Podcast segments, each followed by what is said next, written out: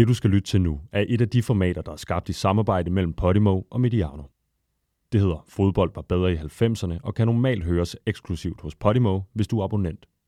Igennem efteråret bringer vi fire af de tidligere afsnit i Medianos kanaler, så alle kan få en fornemmelse af, hvad det er, der sker, når Sebastian Stanbury, Thomas Pønt og Carsten Krog sætter sig og taler fodbold fra 90'erne. Hvis du vil høre de nye afsnit, der udkommer hver lørdag, og du ikke allerede er abonnent, så prøv Podimo gratis i 45 dage. Det kan du gøre ved at gå ind på podimo.dk-konge. Hos Podimo finder du også eksklusive udsendelser som Anders og Anders eller Havrekamal. Rigtig god fornøjelse.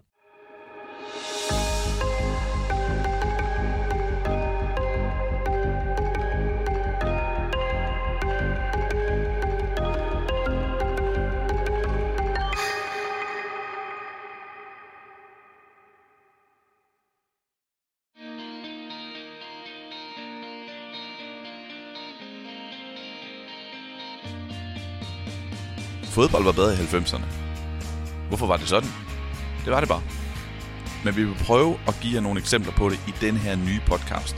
Mit navn er Sebastian Stanbury, og med mig har jeg mit faste hold, bestående af Thomas Pønt og Carsten Krog. Hej gutter. Hej. Hej. Fodbold var bedre i 90'erne. Men det var også ret godt i 80'erne og 0'erne. Og helt ærligt, det er helt okay nu. Og vi vil prøve at fortælle jer nogle af de historier, der beviser netop det. Det her det er en podcast, hvor vi dyrker nostalgien og de stærke fortællinger fra fodboldens utømmelige historiebøger. Carsten, kan du ikke prøve sådan at sige lidt om, hvad, hvad vil du gerne bringe til bordet i den her, den her sammenhæng? Jo, det kan jeg godt. Øh, altså, jeg er jo lige knap 50, og derfor så bliver jeg jo forelsket i fodbold i, i 90'erne, må man nok sige. Især i italiensk fodbold. Hvilket man hurtigt vil finde ud af, når man har hørt det på udsendelser her. At det er, det er der, jeg sådan, øh, kommer til at lægge mit, øh, mit fokus. Hvorfor Italien? Jeg tror simpelthen bare, at jeg kiggede på italiensk fodbold i 90'erne, så begyndte de jo at vinde og vinde og vinde. Altså stort set det hele. Ikke? Hvis man ser på øh, europæisk fodbold i 90'erne, så er det jo totalt domineret af, af Italien. Og så blev jeg bare... Jeg har, jeg har vokset op som alle andre i Danmark med engelsk fodbold. Med Liverpool for det meste. Men engelsk fodbold i det hele taget. Det er jo det eneste, vi kunne se, da vi var små, som Pønt han godt ved. Vi kunne se kl. 16 om lørdagen, der kunne vi se tipsfodbold. Og så var det ligesom det, man havde som, øh, som standard for det bedste fodbold i verden, men det var jo ikke det bedste fodbold i verden. Man gik ud og så de der europæiske kampe, så var Juventus meget bedre, og Milan var meget bedre. Og så blev jeg bare som alle mulige unge mennesker fascineret af, af at de var dygtige, og de var klogere. Jeg synes især, at de taktisk var dygtigere. Og en spiller som Franco Baresi for eksempel, blev jeg meget forelsket i, fordi jeg tænkte, jeg har aldrig set en forsvarsspiller før, der, der kunne tænke, som kunne spille fodbold. Det var bare sådan nogen, der vandt hovedstødstueller. Så det blev jeg meget fascineret af. Hvad med dig, Pøn? Hvad, øhm, kan du ikke fortælle lidt om, om dig selv og din baggrund inden for, for den her snak? Det kan jeg sagtens. Øh, I din intro, der sagde du det her med, at fodbold var også ret fed i 80'erne. Og jeg tænkte sådan lidt, jamen fodbold var da også super fed i 70'erne. Det var meget det her med, øh, et eller andet sted, så kan man sådan definere sin, sin fodboldinteresse efter den første slutrunde, der ramte en, som ligesom satte sig i en. Og den første slutrunde, jeg sådan kan huske at følge med i, det var VM i 74, men det var ikke sådan, det var ikke på nogen måde intens. Jeg kan bare huske, det kørte. Så for mig var det VM i 78 i Argentina, som sådan var den slutrunde, der satte sig i mig for alvor, hvor jeg blev fanget af de store dramaer i fodboldens historie.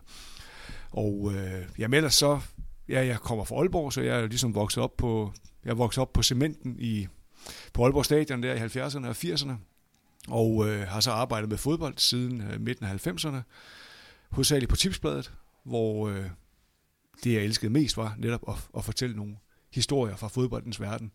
Interviews og analyser er fint, kampreportager, fint, men der er ikke noget federe end at grave en anden historie frem, der ikke rigtig er nogen, der kender, og så kunne fortælle den. Så det håber jeg, vi kommer til at gøre her også. Du og jeg kender jo hinanden fra Tipsbladet. Mm. Jeg har, jeg har arbejdet, i, jeg arbejdet der i 10 år, hvor jeg havde dig som kollega hver evig eneste dag, stort set. Og øhm, det kommer vi nok også til at trække lidt på. Jeg er i dag på Mediano og, og laver arbejder der. Men øh, vi skal sammen lave den her podcast her på Podimo. Og som sagt, fodbold var bedre i 90'erne. Jeg frygter, at vi også kommer til at tale om andre årtier. Jeg håber, vi kommer til at tale om andre årtier. Jeg garanterer, at vi kommer til at tale om andre årtier, for vi kommer til at dykke ned i, i øh, hele fodboldens historiebog, som jeg siger. Men i dag, så, øhm, så skal vi snakke 90'erne. Fordi vi skal forbi nogle forskellige emner. Vi skal forbi den mest 90'er fodboldspiller, hvis man kan sige det sådan lidt ugrammatisk. Og vi skal forbi hold, som forsvandt fra fodboldens verden, øh, eller fra, i hvert fald fra toppen af hierarkiet, af fodboldhierarkiet i 90'erne. Og så skal vi forbi noget, jeg glæder mig rigtig meget til, Europacup-rouletten. Og den introducerer vi, når vi når dertil. Men øh, lad os komme i gang med, med podcasten. Vi skal, som jeg sagde lige inden breakeren her, så skal vi ud i at finde ud af, hvem der var den mest 90'er fodboldspiller. Og vi har alle sammen taget en med til bordet. Og hvordan man sådan lidt definerer, hvad der gør en til en 90'er fodboldspiller, det er helt op til en selv. Øhm, så det synes jeg kunne være sjovt at, at dykke ned i. Jeg synes, vi skal starte med, med dig, Pynt. Når du tænker på fodboldspilleren, den typiske fodbold, 90'ers fodboldspiller, hvem tænker du så på? Eller hvad tænker du på, og hvem tænker du på? Hvis jeg lige skal en lille smule baggrund, som relaterer lidt til det, Carsten sagde, så er jeg selvfølgelig også vokset op med engelsk fodbold, og har fulgt engelsk fodbold meget. Og øhm, derfor så, da, da vi ligesom snakkede om det her med den mest 90'er-agtige fodboldspiller, der gik mine tanker selvfølgelig først og fremmest til engelsk fodbold. Og derefter til Manchester United, som for mig ligesom var 90'er-klubben i engelsk fodbold, i, i og med at de vinder deres første mesterskab i 93 og bliver den her dominerende faktor op igennem 90'erne. Og så var spørgsmålet så, hvem skal det være for Manchester United? Og det var faktisk ikke så nemt igen. Fordi hvis man tænker, Peter Schmeichel kommer til i 91, og han er godt nok en 90'er fodboldspiller, altså EM med Danmark i 92, ikke? Så kører de Erik Cantona i 92, som også bliver definerende for Manchester Uniteds optur. Og så køber de måske nok min favoritspiller, Roy Keane, i 93. Så har vi allerede tre navne, som jeg tænker, det der, det er 90'er fodboldspillere. Hvis jeg har en indvending, ja. er Roy Keane måske ikke mere en 80'er fodboldspiller, der Jo, spillede i 90'erne. Jo, jo, eller måske endda en 70'er fodboldspiller Ja. også. Ikke? Men han var en bedre fodboldspiller, end han havde ry for at være. Så, øh, men Jeg synes, vi skal dykke ned i Roy Keane på, i et senere afsnit, for der er nogle fantasti- fantastiske anekdoter hans, øh, i hans, blandt andet hans selvbiografi. Ja. Ja. En af hans selvbiografi, den hedder Second Half, der er helt, helt forrygende. ja, Meget hurtigt, Pønt, så kom jeg til at nævne det her emne for min gode ven Nikolaj, som er kæmpe Manchester United-fan. Og så nævnte jeg det her med 90'er-spillere. Han sagde øjeblikkeligt Erik Cantona. jeg snakkede med en anden Manchester United-fan i går om emnet, og han startede med at sige Cantona, og så flyttede han sig over til den, som jeg har valgt. David Beckham. Ja, Godt og, hvor, og hvorfor så David Beckham, når vi nu kunne have valgt Roy Keane, eller Erik Cantona, eller Peter Schmeichel? Altså for det første, så synes jeg jo, at, at David Beckham er en fantastisk historie i sig selv. Det her med damefrisørens søn fra London, der som 14-årig sidder oppe i en eller anden super lounge på Old Trafford og ser Manchester United vinde 1-0 over Wimbledon, altså på sin 14-års fødselsdag. Og efterfølgende ud at spise med Alex Ferguson, han var ikke Sir Alex på det tidspunkt, og får fødselsdagskage og ender så på kontoret med at skrive en lærlingkontrakt under Manchester United, som var Beckham-familiens store klub. Det var den, de holdt med, det var den, de fulgte. De kørte gerne de der 300 km op til Old Trafford for at se dem på hjemmebane. Og David Beckham hedder faktisk Robert til mellemnavn. Og det gør han, fordi faren var så begejstret for Bobby Charlton i sin tid. Så der var sådan en Manchester United connection i ham. Så derfor var det meget naturligt, at han endte op, selvom han jo også var en del af, af Tottenhams, Tottenhams akademi på et tidspunkt. Han debuterede allerede som 17-årig, og viste sig hurtigt at være en fremragende fodboldspiller. Og det, jeg godt kunne lide ved ham, det var, at han var ikke bare han var ikke sådan en, et guddommeligt talent. Han var en fremragende fodboldspiller, fordi han arbejdede simpelthen så hårdt, og det var ikke det, man umiddelbart tænkte, når man så ham med det der lækre hår og den flot fyr og et modeikon og så videre. Han var hårdt arbejdende. Han løb som en moderne vinkbak ud på den der højre kant, frem og tilbage hele tiden. Og en af de bedste øh, dødboldsskytter øh, skytter i, i verden på det tidspunkt. Og det var også timevis af træning. Øh, så det kunne jeg godt lide, det der med, at han ligesom havde det der hårde arbejde, og ikke bare var sådan en eller anden, der havde et fantastisk talent, og så ligesom var kommet sovende til sin, til sin succes. Og samtidig det her med, at han i 1998 i VM-slutrunden øh, bliver vist ud mod Argentina i en 8. Øh, han stikker et ben op, efter der blev lavet et frispark på ham, og så falder Diego Simeone over det, og ja, han slog sig rigtig meget Simeone, og Kim Milton kunne så ikke gøre andet end at vise Beckham ud. Det, for mig er et af de mest ikoniske fodboldbilleder fra det årti, det er billedet af øh, Kim Milton, der står med det røde kort, og David Beckham, og så står Gabriel Batistuta ved siden af i den der blå argentinske landsholdstrøje, de spillede mm. i, i, i den kamp der. Ja. Det, det er også fordi Beckham havde 90 hår på det tidspunkt, Ja, ja. ikke? og Batistuta han havde sit lange hår, og Kim Milton, han havde det samme hår, han altid har haft. Og Beckhams 90 år, det var jo sådan det der med, med lyse striber i og så videre, ikke? Altså, Ja, han var jo sponsoreret af Brill Cream på Ja. et tidspunkt. ja, ja. Altså, der var, men det, det kommer jeg til lige om lidt, fordi nu tager vi lige fodboldspilleren David Beckham først, hvorfor jeg vælger ham. Han kommer hjem fra VM i 98, og han bliver lagt for had i hele England. Altså, der, bliver, der er nogen, der laver sådan en, en dukke og sætter en, win, en uh, Beckham-trøje på og klynger den op til et popskilt og sådan noget. Altså, det var, sådan, det var helt vanvittigt. Det havde han blev lagt, der, der blev lagt for dagen mod ham, ikke? og der var tanke om, at han blev nødt til at flytte fra England og så videre, fordi der var ikke noget ungt menneske, der kunne leve med det her på det her tidspunkt. Der er han 23 år gammel. Men nej, han bliver i Manchester United. Og hvad sker der så? Jamen, de laver The Treble i 99. Mesterskab, pokalfinal og Champions League-final.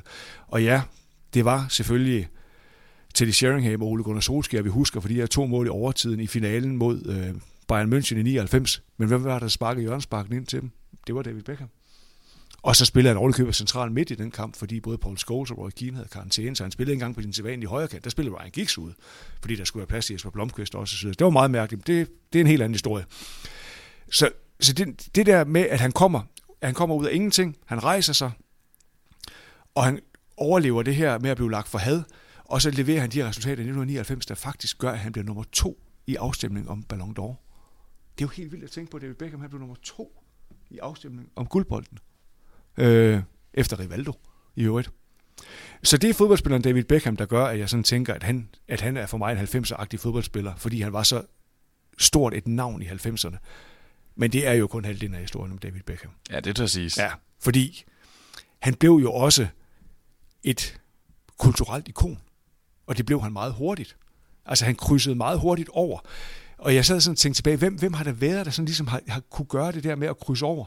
Og det oplagt er også en anden Manchester United-spiller, George Best, i 60'erne, som også blev et kulturelt ikon, og som fyldte meget i sådan hele den der, hele den der mode- og musikting, der voksede ud af London i 60'erne.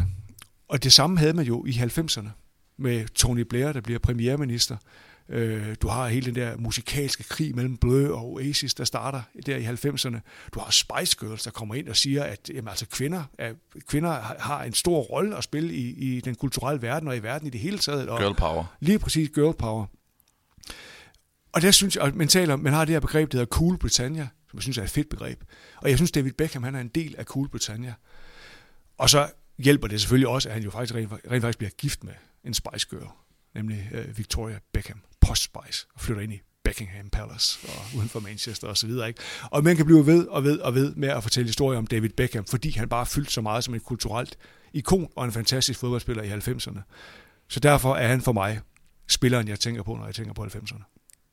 Og i dag måske en lille smule undervurderet som fodboldspiller. Netop fordi det andet kom til at fylde så meget.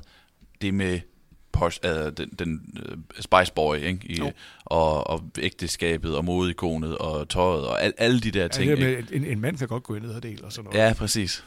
Hvad?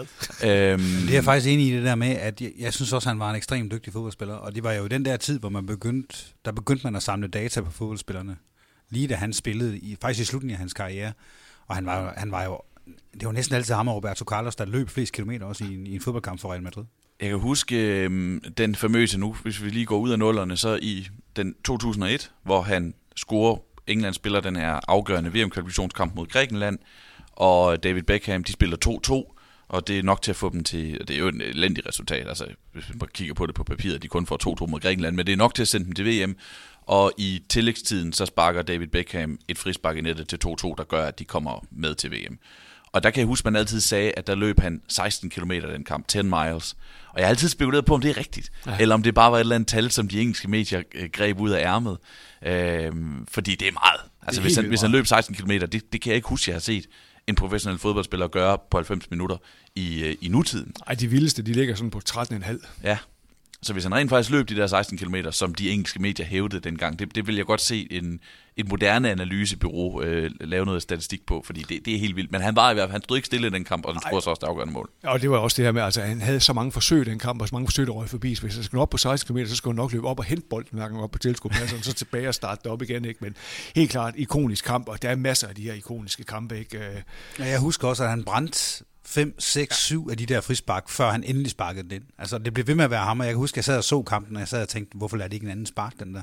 Det er den her Real Madrid-kamp, hvor de vinder 4-3 på hjemmebane i Champions League, hvor han, hvor han kommer ind og scorer to mål, ikke? Og, og Ferguson og ham er blevet uvenner, ikke? Og det, det her med, hvor han får Ferguson sparker en støvle gennem omklædningsrummet og rammer ham over, øjenbryn, så han flækker sit øjenbryn og møder... Det er sådan et fuldstændig ikonisk billede dagen efter, hvor han kommer til træning, siden i sådan en Range Rover, ikke? har bare sådan en lille sommerfuglplads op over, ikke? Ja. og ligner bare en million bucks derinde bagved, ikke? og ender så med at blive solgt til Real Madrid. Der var en eller anden, øh, et, øh, et voksmuseum, hvor de lige satte det der sommerfuglplaster på ja. ind over hans øjenbryn, ja. så det skulle være i orden i de der dage, han rendte rundt med det. Han ville, han ville så også med Ferguson, da det skete det der. Ja, Altså han, han rejste sig op, og så, og så var han, der skulle tre mand til at holde ham. Så, ja. så mere, mere sådan, øh, du ved, panseksuel mand øh, var han altså ikke, end han godt ville slås med sin, med sin fodboldtræner. Og, og Ferguson var jo bullish. Han var jo ikke sådan en, der undskyldte, i hvert fald ikke over for spillerne. Nej, for søren. Han har sikkert undskyldt bagefter, trods alt. Men han gjorde det ikke i Jeg omklædningsrummet. ved faktisk ikke, hvordan deres forhold, hvor, hvor deres forhold er henne i dag, men det er vel sandsynligvis meget, sandsynligvis meget godt. Han har i hvert fald altid nævnt øh, Ferguson som sådan en farfigur for ham, der, fordi han kom til Manchester som, så ung, som han var, ikke? Øh, og ligesom skulle finde sig selv deroppe.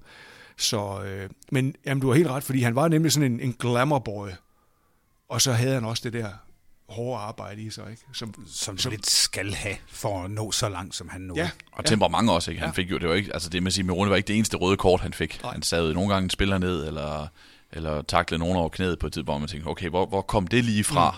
Men, ja. men jeg synes jo, man skal unde sig selv at gå ind på YouTube, og så skal man se en, øh, en compilation af hans indlæg, fordi der er ikke nogen, der slår et indlæg som David Beckham i dag. Der er, det, og det, er- det er ikke nogen overdrivelse. Det er der simpelthen ikke. Nogle gange, når man ser Trent Alexander-Arnold, så kan jeg godt tænke på David Beckham. Ja, men Han har lidt det samme. Ja, men det der med, at han kom i skrå løb, ja, og så kom han i løb og slog den dybt i banen, og så den lige røg ind i hovedet på Van Nistelrooy eller Ronaldo, eller hvem det var, der løb derinde. Det var, det var helt vildt, hvad, ja. Hvad han kunne. Ja, Han havde også nogle at sparke bold- efter derinde, ikke? Ja, det- det, er det der 90'er hold, ikke? Med øh, Andy Cole og Dwight York og Teddy Sheringham og Ole Gunnar Solskjaer. Det er altså fire angriber, der vil fremad. Ja, og som altid er i feltet, som altid er tæt på mål, ikke? så der var, som du siger, noget at sparke efter. Det interessante var jo, at jeg, jeg voksede op som Liverpool-fan, og dermed så, så var jeg jo en af dem, der havde det ved Beckham, også fordi han var så god, og fordi Manchester United vandt det hele. Øh, men så så jeg den her dokumentar, der blev lavet øh, midt i hans karriere, tror jeg, hvor han, hvor han står sammen med sin bedste ven, Gary Neville, mm. og de står og laver mad sammen.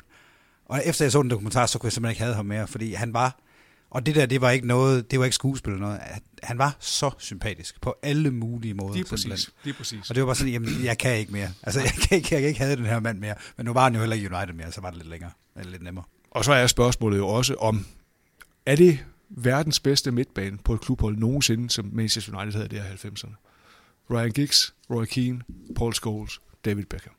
Det er i hvert fald en, en kandidat. Jeg vil, jeg vil straks tænke øh, Sergio Busquets, Andres Iniesta og Xavi på, øh, på den centrale midtbane for Bar- Pep Guardiolas store Barcelona-hold, som også var sådan helt mm. umuligt at pille bolden fra. Øhm, men det, det er en kandidat, fordi på et tidspunkt i løbet af karrieren var de alle sammen kandidater til verdens bedste på deres position, de, de fire spillere, du nævner der. Ja. Skal vi prøve at gå videre til din 90'er-spiller, Carsten? Hvem er den mest 90'er-fodboldspiller øh, for dig? Jamen, når jeg tænker 90'erne i fodbold, så tænker jeg på Giuseppe Signori i, i Italien, som var sådan en bomba la provincia, som er et udtryk, de har i Italien for en øh, angriber, der scorer masser af mål i en provinsklub.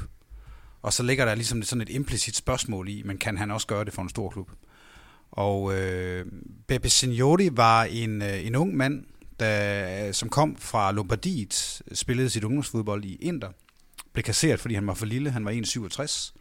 Spillede i alle de små rækker, spillede for nogle små øh, klubber, blandt andet noget, der hedder Leffe Calcio, der spiller CD i dag.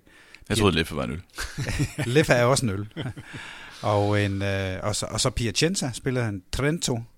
Øh, og så kom han til Foggia i 1989. Så grunden til, at han kom til Foggia, det var fordi, at øh, han var den her kantspiller faktisk, som havde et rigtig, rigtig godt venstreben. Han var hurtig på de første meter. Han var ikke nogen speciel elegant spiller. Han er faktisk blevet sammenlignet en lille smule med Pippo Inzaghi, som man jo ikke kan kalde en elegant spiller overhovedet. Øh, men når man så går ind og ser de mål, han har lavet, han har lavet 188 mål i Serie hvilket jo trods alt er en klasse. Han har faktisk en café, der hedder 188, efter de der Okay, mål. det er selvfølgelig. Han kom til Foggia i 1989, og grunden til, at han kom til Foggia var, fordi der var den her tjekkiske træner, øh, som var sådan lidt en, øh, en underlig fyr, der spillede noget vildt, vildt offensivt fodbold, som har set ham spille. Og så hentede han øh, ham til Foggia. Og da han ankommer, så siger øh, Sedenek Seman, som den her tjekkiske træner, som bor i Italien, og er blevet halv kan man sige, gift med en italiensk kvinde, øh, siger, så siger, siger han til ham, ciao bomba, siger han til ham. Og det kan han ikke rigtig forstå, fordi det betyder, øh, hej angriber. For ligesom at sige, det, det kommer du til at spille hos mig. Det kunne han ikke forstå. Han har lavet fem mål sæsonen før i Serie B. Så han kunne ikke se, hvorfor, hvorfor han pludselig skulle være angriber. Så det, det spørger han træneren om, så siger træneren til ham, det, det finder du ud af. Og halvvejs ind i sæsonen, han starter faktisk med at spille venstre kant, scorer ikke specielt mange mål, spiller som han plejer, men halvvejs ind i sæsonen, så redder han mere eller mindre Semans job, fordi Seman er ved at blive fyret, det ligger det tredje sidst, øh, fordi han scorer et afgørende mål i en kamp mod Monza. Og derefter går det kun fremad. De vinder og vinder og vinder.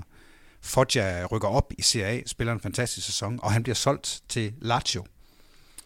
Og Lazio er jo, det er ikke en provinsklub, det giver ligesom sig selv, fordi Lazio ligger i Rom, men det er heller ikke en stor klub. Det er en klub, der kun har vundet to mesterskaber nogensinde. Den bliver i høj grad i Rom outshined af Roma, som på alle mulige måder er, har altså tre-fire gange så mange fans som Lazio. Men Lazio har alligevel også vundet et par mesterskaber, er altid et subtophold, eller midterhold i hvert fald, i Italien. Så man kan sige, at han er i hvert fald flyttet sig fra en klub, der, der, der kun har været i Serie A i fem sæsoner, tror jeg, alt nogensinde, til en fast bestanddel af Serie A. Og i Lazio, der, der, der, der, det er altså noget med, at man er meget i tvivl om, man har købt en spiller, der er dygtig nok. Fordi samtidig med, at de har købt ham, der har de købt en rigtig stor stjerne. Og hvem er det, de køber i 92, kan I huske det? Lige der omkring. Uh, jeg skal have et hint. Han er englænder. Paul, Paul Gasser. Paul Gascoigne. Ja. Paul Gascoigne, ja. Og allerførste kamp, uh, Signori spiller for Lazio, der, der er meget spekulation. Man tænker, at, hvad, altså, er det godt nok til os, det der? Han har, lavet, han har lavet nogle mål for et lille bitte hold. Hvad kan han for os? Og det er altså Ruben Sosa, som han skal afløse, øh, som er blevet solgt fra Lazio. Og han var en meget populær og meget dygtig målscorer. Første kamp spillede mod Sampdoria. Gas er selvfølgelig skadet, som han stort set altid var. Det var jo den Næsta, der gav ham den skade der. Hvilket okay. er utroligt, når man tænker Næsta. Han er mest rene spiller nogensinde, men øh, det, det var det. Øhm, og han, i allerførste kamp, der laver han to mål. Øh, Giuseppe Signori, og derfra så, så kører det sådan set bare. Altså han laver et væld af mål. De næste fem sæsoner, hvor han er i Lazio, der bliver han kongen af klubben. Han øh, bliver capo canoneri, som det hedder i italiensk fodbold, det vil sige topscorer i Serie A, for en klub, som trods alt ikke slutter Øh, de slutter en, en gang på anden plads, men de er ikke i nærheden af mesterskabet. Det er sådan noget, vi siger 4, 5, 6, 7 stykker hver eneste sæson. Og, øh, og, og, og han bliver mere eller mindre sådan hvis man kan huske, hvordan Maradona trak Napoli i 80'erne, så synes jeg, det er en god parallel, for det er faktisk også sådan, han sådan mere eller mindre trækker Lazio. Han, øh, det er ikke et stort hold, Lazio. De har, de har fået en præsident, der har rigtig mange penge, Sergio Cragnotti. Han vil have dem til at vinde mesterskabet på et eller andet tidspunkt. Det er nærmest umuligt i 90'erne. Altså Milan i 90'erne er fabelagtig. Fodbold i, i Italien i 90'erne er, er helt fabelagtig. Og, øh, og, og på det tidspunkt, der, der er det sådan lidt en drøm, at man overhovedet kan lave så godt et hold. Han laver så det her hold, som er relativt stærkt, hvor den er helt store stjerne, er selvfølgelig Giuseppe Signori, som laver alle de her mål. Men i 1997, der henter han Sven Jørgen Eriksson, vores svenske ven, der har vundet et mesterskab i Sampdoria. Blandt andet med øh, Roberto Mancini. Og så tager han Mancini med sig, Sven Jørgen Eriksson. Og så finder de hurtigt ud af, at Mancini og øh, Signori, at de kan ikke sammen, de to. Det er to ledere. Mancini, siger man sådan lidt for sjov, har været en leder, siden han var 19 i, i Sampdoria. Han kommer til klubben, og han har den her træner, der tror så meget på ham. Og det ender faktisk med, at Signori, som har været den her topscorer i fem sæsoner i træk, han bliver mere eller mindre sparket ud af klubben af, øh, af, af Sven Jørgen Eriksson. Og altså, legenden siger, at øh, han varmede op i en halv time i en kamp og blev ikke sat på banen, og efter det vidste han, at, øh, at, at det var over. Han satte sig ind i sin bil efter kampen, så kørte han rundt i Rom hele natten indtil klokken 6, hvor han sad og græd i bilen, fordi han vidste, at det her det var, det var farvel. Øh, og så forsvandt han, og kom aldrig tilbage til Lazio. Han, øh, han røg faktisk Sampdoria meget kort, og så røg han til Bologna, hvor han også lavede en frygtelig masse mål. Han, øh, han er meget, i, i dag i Rom er han en af de der rigtig store legender for Lazio. Der er selvfølgelig ham her Kinaglia, der vandt mesterskabet i 70'erne. Øh, og så er der selvfølgelig Ciro Immobile, altså ved at være et decideret legende også i Lazio nu. Men ham her, ikke? Og han var, han var et billede på den her Lazio-spiller, og den her spiller, som de store klubber ikke kunne trække til sig, på trods af, at han lavede 25 plus mål stort set hver eneste sæson. Som spiller var han en lidt mærkelig spiller. Han var en lille smule klodset. Han var en fantastisk frisbakskytte. Altså han ligner Mihailovic, som vi jo bedre kan huske, som også var venstrebenet. Men den måde, han sparker på, det er ligesom Mihailovic med det der knaldhårde venstreben. Nu har vi talt om Beckhams inderside. Men det var jo også det, Mihailovic kunne. Han havde også en vanvittig inderside. Han sparkede så hårdt med indersiden. Og det samme gjorde ham her. Og så blev han også lidt kendt, fordi han sparkede straffespark. I dag er vi vant til, at de laver alle mulige krumspring før straffespark. Det er næsten for meget nogle gange. Men dengang, der var, det, der var der ingen, der lavede noget usædvanligt. Man lavede et ganske med tilløb, og så sparkede man straffe, ligesom vi tre, vi gør. Kunne jeg Forbi. Vi- Ja, for, ved siden af mål, på stolpen, over mål. Øh, men han var den første, der, der lavede det her nummer med at stille sig halvanden meter fra bolden, og så tage et halvt skridt, eller et skridt, og så sparke den ind. Nej, det var ikke den første, der gjorde det, for det gjorde Kristofte. Kim Kristofte var den første, der gjorde det, var han ikke det? Ja, det var, det var så i 92. Ja, ja men det, han har gjort det før, det jo. Ja, okay. Men, men Ja, det er smukt, det er smukt. Ja. Uanset hvem der inspirerede hinanden, det er en fantastisk overlegen måde at sparke straffespark på. Det må man bare sige. Og han, grunden til, at han gjorde det, det var faktisk, fordi han var en stor fan af dart. Og han sagde, at dem der, der spiller dart, de løber heller ikke hen og kaster, bold, og, og kaster pilen. Nej. Så, det- og det er jo præcision, det handler om på straffespark. Det er ikke styrke. Så derfor så øh, synes jeg, det var bedre bare stort set at stå stille og sparke. Og han har så noget med, altså rekorden, at det er noget med 58 øh, scoringer i 62 øh, forsøg eller sådan noget, så det er, det er meget, meget voldsomt. Han er virkelig god til at sparke straffespark. Det lyder effektivt. Og alle børnene i Rom, det går legenden også på. Jeg har en god ven, der bor i Rom, som er meget stor Lazio-fan. Og han siger, at øh, alle børnene i Rom, dengang han var ung dengang, de, de begyndte at sparke straffespark ligesom ham. Fantastisk. For mig er Signori rigtig en 90'er-spiller, fordi jeg har ikke et, jeg har helt sikkert gjort det, men jeg har ikke et minde om, at jeg nogensinde har set ham spille fodbold faktisk. Men hvor har jeg mange gange siddet mandag morgen eller mandag eftermiddag og læst igennem en trygt avis på papir, Mm. og så læst resultatsektionen og konstateret, at Signori selvfølgelig har scoret for Lazio endnu en gang. Ja. Og kigget på topscorelisten, og der ligger han højt sammen med Batistuta og øh, Ravanelli og hvem der ellers kunne, ja. hvem kunne være der. Så øh, meget 90'er fodboldspiller, vil jeg sige. Ja, og så og, og gode, også gode referencer undervejs, altså Tinaglia, som jo blev en kæmpe stjerne for New York Cosmos. Så altså, rigtig, rigtig faktisk kommer der fra Lazio og har et mesterskab med sig over, ikke? men altså, han er jo ligesom, når du siger New York Cosmos, jamen, så siger du Pelé, og du siger Beckenbauer, ikke? men altså, den helt store spiller i New York Cosmos, det var Tinaglia, Mm. mm. som Han lavede flere, flere mål. bunker af mål. Han lavede flere mål end Pelé. Ja, En del flere mål end Pelé. helt vildt. Men, det, men der er også en, en, en sjov lille, eller en, en lille anekdote til sidst, som der skal med, og det var, at han blev faktisk dømt for noget matchfixing i 2011, hvor han jo var færdig med at spille for lang tid siden. Men problemet med Signore, det er, at han altid var sådan en folkekær spiller, sådan en, der gik ud og snakkede med publikum. Og han har altså fået, og det var allerede et problem, da han var spiller, at nogle af de der bekendtskaber, han fik blandt publikum, det var måske, øh, hvad skal vi kalde dem, en lille smule shady typer. Altså, øh, og dem har han sådan ligesom taget med sig. Han var meget outgoing, talte meget med folk. Ikke sådan en, der gemte sig et eller andet sted. Han boede inde i byen i Rom. Og øh, der i 2011, der blev han dømt øh, som en del af en ret stor matchfixing-skandale, og fik faktisk øh, teknisk set to års øh, fængsel, kom aldrig i fængsel, da det kom til stykket. Han har selv altid sagt, at han var uskyldig, og han ville, øh, og han ville øh, på et eller andet tidspunkt, så han har renset sit navn, og det skulle også være før, at navnet, øh, kan man sige, automatisk bliver renset. Og det blev han så i, øh, her i sidste år, i, i 2021, hvor det viste sig efter en lang, lang øh, øh, investigation, hvad hedder sådan noget på dansk, en undersøgelse, at, øh, at han aldrig har haft noget med det at gøre overhovedet. Han var bare et stort navn, man hævde frem, og fordi at han kendte nogle af dem, som var centrale personer, så er han ligesom blevet, blevet den her øh, søndebuk. Så det var han meget, meget godt tilfreds med. I dag vil han gerne være fodboldtræner, men øh, han, han har jo ligesom ikke rigtig lavet noget i 10 år, for han måtte ikke beskæftige sig med fodbold i 10 år. Det var faktisk en lidt hård skæbne for sådan en mand. Skønt udtryk, provinsbomber. Meget, det kunne man også godt bruge om, om de der sådan jyske angriber, ikke? Ja, Og det siger vi med kærlighed, for vi står tre jyder her, ja. så det er ikke ment nedsættende. Og Frank, Frank Christensen, Ja, Thomas Dalgaard. Kan vi komme på flere? Søren Andersen, Ja, Ja, Søren Dissing. Ej, den er indforstået, men en gammel OB-bomber fra 80'erne og 90'erne. Ja. Fra, Frank Pengel. Frank Peng, ja. Men også italienske provinsbomber. Jeg, jeg kommer straks til at tænke på øh, Salvatore Schilacci, som vi nok skal komme forbi i løbet af de her podcast, også, som jo også er en af de helt store, ikoniske 90'er angriber i meget, meget kort tid. jeg tænkte også på øhm, Også skabt af Zedenek Seman. Jo, det var også ham, der op, opfandt ham. Okay. den spiller, øh, hvis en, jeg kommer til at tænke på den spiller, hvis, øh, hvis navn, jeg måske nogensinde bedst kunne lide at sige af alle fodboldspillere, Pierluigi Casaracci. Ja.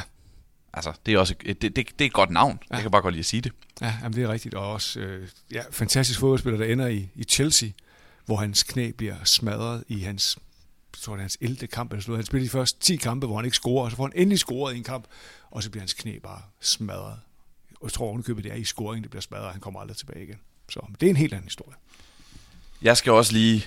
Vi kunne have, nø- jeg tror, vi kunne have nøjes med at lave den her udsendelse bare med Signori eller, eller Beckham for den sags skyld. Men jeg har også en valgt en 90'er fodboldspiller. Øhm, og jeg satte nogle kriterier op for mig selv, for ligesom at, at skulle, ikke bare skulle vælge mellem det her hav af, af sjove fodboldspillere fra 90'erne. Så han skulle være god, for det første være god i 90'erne, det siger sig selv. Han skulle også have, haft sin, han skulle også have sin bedste tid i 90'erne. Så det vil sige, lidt mindre kendt for 80'erne og 0'erne. Så måtte han godt være en del af nogle historiske og tidstypiske begivenheder. Øh, sådan nogle milepæle i fodboldens verden. Så skal han have, han have haft sin storhedstid i klubber, der var højere på strå dengang, end de er nu. Og så skal han have enten en klassisk 90'er frisyr, eller spillet i en trøje med en meget 90'er sponsor på. Det var mange benspænd. Og den sidste, jeg synes, det kunne være sjovt, hvis han var født i 1970. Så han fyldt 20 i 1990, og så går ind i sine 30'er i 2000. Og jeg fandt faktisk en spiller, som jeg synes passede ind. Ja. Alan Shearer. Okay. Vi skal tilbage til England. Han er født i Tjek. Han er født i 1970. 13. august 1970. Tjek. God i 90'erne. Tjek. Topscorer i England i tre år i træk. 95, 96, 97. På årets hold i England i 92, 93, 94, 95, 96 og 97. Og så igen i 2003, men det glemmer vi lige. Så er han engelsk mester lige i midten, 1995, og han er på landshold fra 1992 til 2000. Og om han er bedst i 90'erne, tjek. Som sagt, alle landskampe spiller han i 90'erne. Øh, bortset lige fra nogle stykker i første halvdel af 2000. Og han laver 409 mål i karrieren, og så vidt jeg kan tælle op, er 268 af dem lavet i 90'erne. Storhedstid i klubber, der var højere på stor dengang endnu, tjek 409 mål i karrieren. i karrieren, ja. Og så at han er den bedste angriber nogensinde, og så er Cristiano Ronaldo, han har lavet over 1000 mål. så Mm. så det, det kan man også huske at tage med. Øh, det kan man også tage i mente, hvor nogle, nogle, nogle grænser, der er blevet brudt her senere hen. Ikke? Ja. Men 409 mål er utroligt. Øh, han storhedstid var jo nok i Blackburn og Newcastle. Newcastle kan måske være på vej tilbage med de penge, de har fået ind, men, øh, men stadigvæk. De var, de var bedre i 90'erne, end det er nu, fy- fyldt mere dengang. Og så de historiske begivenheder, check. Han laver to mål på allerførste spilledag i Premier League i 1992.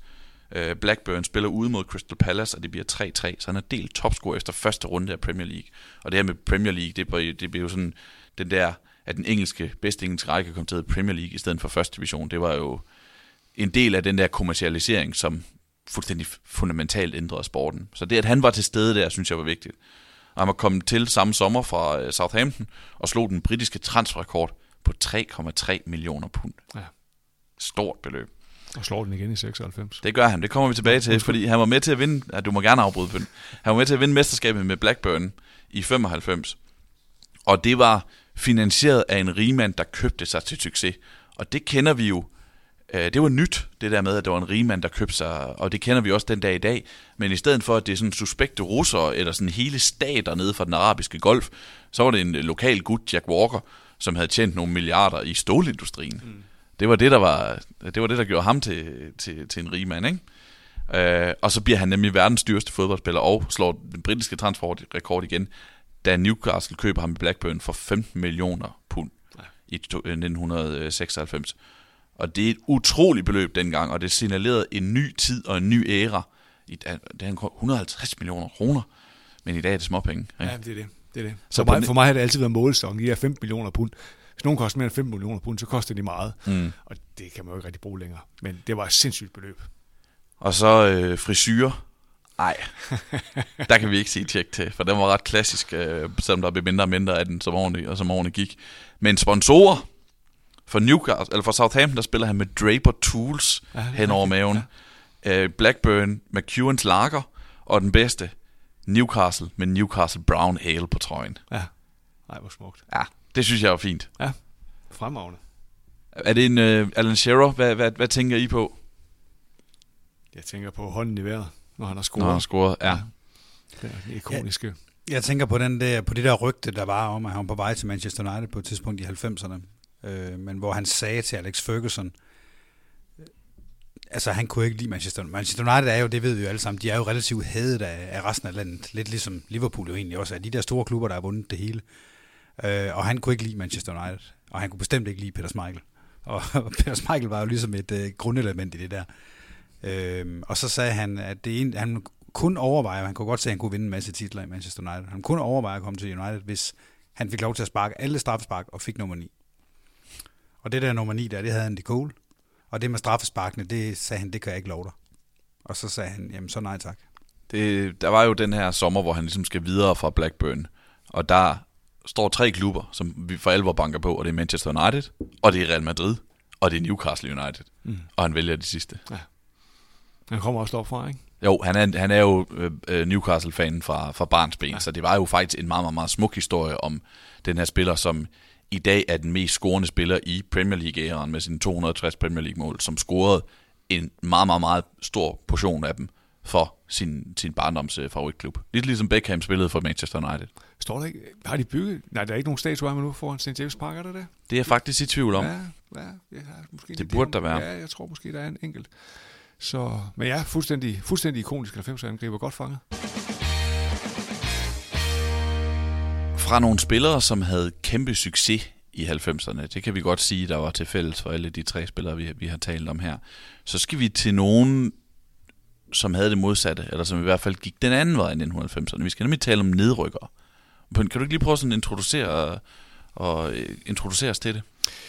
Jo, og det, det kommer egentlig af, at jeg her i øh, sad, sad og, og fulgte med i de engelske medier her for nylig, og noterede mig, at, øh, at Oldham rykkede ud af de engelske divisioner. Altså de lå nede i League 2 og endte så som nedrykker. Øhm, og det var, sådan, det var jo en meget dramatisk nedrykning, hvor der er pitch invasions, og det ender med, at, at tilskuerne bliver sendt hjem, og de får at vide, at kampen er afbrudt og bliver ikke spillet igen, og det er snyd, fordi de ender så med at spille de sidste 12 minutter efter alle tilskuerne er gået hjem, fordi de blev nødt til at få det afgjort. De kunne ikke have de der 12 minutter hængende, så de blev så spillet for tomme tribuner osv. Og, og det, journalisterne fik lov til at se det, men de måtte ikke rapportere om, at kampen blev spillet færdig, altså mens den blev spillet og sådan noget, fordi de ikke havde tilskuerne tilbage. Når Oldham rykker ned, og hvad så? Altså Oldham, hvad er nu det for noget? Hvad er det for en klub? Øh, og det er rigtigt nok, at det er ikke nogen stor klub, men det er alligevel en klub, som fyldte noget i 90'erne. Og de var jo en del af Premier League, da Premier League bliver født i 92-93 sæsonen, hvor de, hvor de er en del af, af den her nye liga. Og derfor er det også den første Premier League-klub, der nogensinde er faldet så dybt, at de er rykket ud af divisionssystemerne. Du har både Swindon og Bradford, der ligger nede i League 2 også, men Oldham har altså taget skridtet længere ned. Øh, og det der med, hvorfor de rykker ned, jamen det er en sædvanlige trist historie med nogle dårlige klubber, og så er det også svært op i Manchester-området, der ligger simpelthen så mange fodboldklubber op i Manchester-området, som de skal konkurrere med. Hvis man, tager, hvis man slår sådan en 15 km radius, så har de Manchester United, Manchester City, Salford, som er blevet en stor klub, øh, takket være Class of 92, øh, jeg kan ikke lige huske, om Beckham han er aktionær i Salford. Det tror jeg faktisk ikke, han er. Nej, det er Men alle de andre er i hvert fald. Altså Scholes og Neville og, og Bott og så videre. Har flyttet den klub op gennem rækkerne. Ja, lige præcis. Fra ingenting. Øh, og så Rochdale også. Øh, og hvis man så lige udvider den lidt mere cirklen, der kører ud til en 30 km radius, så smider du Huddersfield, Burnley, Bolton og Blackburn med i hatten også. Ikke? Der er så meget kamp om det op. Men i starten af 90'erne, der var det ligesom Oldham, som var med og lå godt placeret op. Og hvad er Oldham så for en fodboldklub? Altså, når jeg sådan umiddelbart tænker Oldham, så er der to ting, der har sat sig i mig. Er tre ting, fordi den tredje ting kommer vi til at snakke lidt om her. Den første ting er, at øh, deres hjemmebane, Boundary Park, går for at være den koldeste hjemmebane i England. Deres svar på Farm Park. Ja. Og det skyldes, at det er det, det næst højst beliggende hjemmebane i England. Den ligger 155 meters højde, og derfor er den voldsomt forblæst og altid bare koldt. Og det andet er, at øh, det her, øh, det kommer til at lyde som om jeg er Manchester United-fan, det er jeg ikke, men nu kommer vi til at snakke lidt om Manchester United i det ene og det andet og det tredje, men Paul Scholes kommer fra Oldham og, øh, ja, og har været stor Oldham-fan i hans unge år og så videre. Og så er der så den tredje ting, som de huskede for, og det, og det kommer tilbage i, i Premier League-tiden, hvor de jo som sagt er. For de har, de spiller to sæsoner i Premier League, 92-93 og 93-94, og det er begge to fuldstændig vanvittige sæsoner i forhold til at overleve nede i bunden af rækken. Øh, og, de, og de historier har bare sat sig i mig, fordi jeg synes, det var så, det var så vildt begge gange, at Oldham først klarede den, og så ikke klarede den. Øhm, Oldham har aldrig rigtig været noget i fodboldverdenen. De øh, blev nummer to i første division i 1915, så det er mange år siden, at de ligesom havde et stort resultat der. Og så sker der så noget i 1982, hvor de får en manager, der hedder Joe Royal. og han var sådan en gammel øh, Everton-bomber fra 60'erne og 70'erne, havde scoret mange mål, og starter så op som manager i Oldham, og man er sådan, ja, ja, hvad skal det blive til? Men han blev faktisk et, han blev et manager-ikon, og han endte med at være der i 12 år og bygge den her klub langsomt op. Og allerede i 1990 kan man mærke, at der er noget på vej. De når Liga Cup-finalen mod Nottingham Forest og taber 1-0, og de når men sandt også FA Cup-semifinalen mod Manchester United, og tager dem ud i to kampe øh, 3-3 i den første, og så taber de 2-1 efter forlænget spilletid i den anden. Be, øh, begge kampe blev jo spillet på Main Road, Manchester City's hjemmebane. Så det har været sådan virkelig en Manchester-oplevelse. Det har været en kæmpe kampe. Ja, helt vildt. Og så rykker de så op sæsonen efter. I 91 rykker de op i den bedste række. Så de er godt positioneret til at holde sig oppe og være, blive en del af Premier League. Og det er de. De klarer den der 91-92 sæson, hvor Leeds bliver mestre, og så er de klar til at være en del af Premier League i 92-93. Og det er jo ikke noget sexet hold. Altså, de spiller noget arbejdsfodbold, det spiller med nogle høje bolde, og det er nogle store kolosser, de har derinde, og de har ikke sådan rigtig nogen målscorer-typer, de har ikke nogen topscorer, sådan rigtig, selvom de scorer en masse mål. Og de ligger og roder rundt nede i bunden hele tiden, og da det er ved at være slut, der er tre runder tilbage, der skal de vinde de sidste tre kampe, mens Crystal Palace højst må få et point i de to kampe, de er tilbage. Og det var bare sådan, men det kan ikke lade sig gøre. Og slet ikke fordi, at den første kamp, de skal spille, det er mod Aston Villa ude. Aston Villa ligger og kæmper med Manchester United om det her mesterskab i 92-93, som Manchester United ender med at vinde, og det gør de, fordi Oldham sensationelt vinder 1-0 på Villa Park.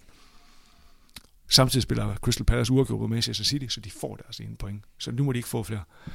Så har Oldham en udsat kamp hjemme mod Liverpool, som ikke er lige så gode, som de var i 70'erne, og ikke lige så gode, som de var nu, er nu. Men alligevel, den vinder de 3-2. Og så i sidste runde, der taber Crystal Palace, som de skal, 3-0 til Arsenal, og Oldham vinder hjemme 4-3 over Southampton. Altså fuldstændig vanvittigt. De klarer den. Tre sejre i træk. Det lykkes. Så kommer vi videre til 93-94 sæsonen. Igen har de kæmpe succes i FA Cup'en. Igen er det Manchester United, det gælder i semifinalen. Øh, og den bliver spillet på øh, Wembley, og de går i forlænget spilletid 0-0, røvsyg semifinal. Forlænget spilletid kommer Oldham foran 1-0 og er på vej i FA Cup-finalen, indtil Mark Hughes han udligner for Manchester United i det 120. minut, og så skal der spilles ny kamp på Main Road. Igen. United vinder 4-1 og er klar til FA Cup-finalen, hvor de vinder 400 over Chelsea med Jakob Kjellberg osv. Igen, det er en helt anden historie. Oldham spiller det her FA Cup-kampe, og det gør bare, at de får alt for mange kampe, som de skal nå og køre hjem. Og det betyder så, at i de sidste otte dage af sæsonen, der skal de spille fire kampe. Og øh, ja, det kan de simpelthen ikke klare. De går, de går kolde undervejs. De skulle bare de skulle have haft en enkelt sejr i en af de her kampe her, så har de klaret den, men det gør de ikke. De spiller 0-0 mod Sheffield Wednesday, 1-1 mod Sheffield United, tager til Tottenham, og så spiller de 1-1 mod Norwich. Og så ender de med at rykke ned. Så du fire kampe på otte Fire dage? kampe på otte dage, ja. De spiller lørdag, tirsdag, torsdag og lørdag. Det er jo sådan, sådan baseball-agtigt, eller øh, Fuldstændig vanvittigt. NBA basketball-agtigt. Ja, og det, det siger også noget om, hvor, hvor, hvor rodet fodbolden var der i 90'erne, selvom man ligesom havde sat sådan Premier League-standard ned over det hele, ikke? og nu skal det være ensartet og så videre. Ikke?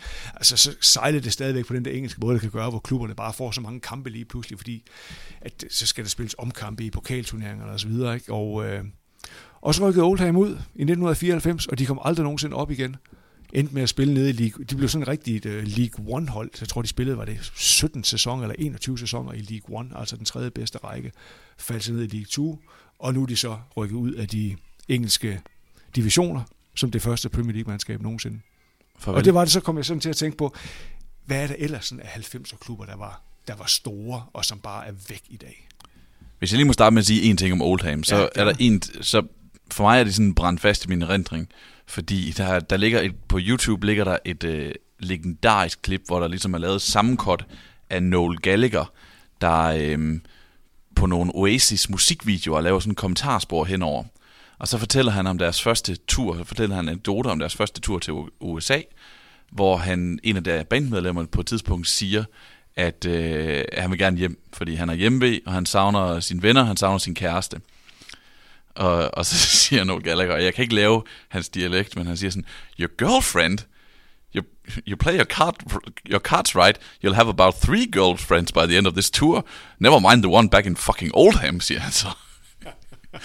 og det er sådan, så for mig er det altid blevet sådan lidt et billede på sådan den engelske provins. Altså, glem da hende der kæresten hjemme i Oldham, vi er i LA, du kan få tre kærester herover og Oldham er, Oldham er en trist by, altså den ligger sådan, det er en, nærmest en forstad til Manchester. Bruger 100.000 mennesker derude, ikke også, men den er virkelig, det er virkelig et forarmet område, og sådan noget, vi taler om, det, det er det sted, hvor der er flest øh, fattige børn i England, for eksempel. Så det er, det, det er et hårdt sted. Det var, altså under industrialiseringen i 1800-tallet, der boomede det med de her bomuldsfabrikker osv. Det var, det var den by i verden, der producerede mest bomuld. Men øh, det gør de ikke længere. Og de producerer da gode fodboldspillere efter Paul Scholes. Skal jeg også tage en, øh, en, en klub, som røg ud af fodboldsystemet i 90'erne. Og så vil jeg tage hjem til Danmark.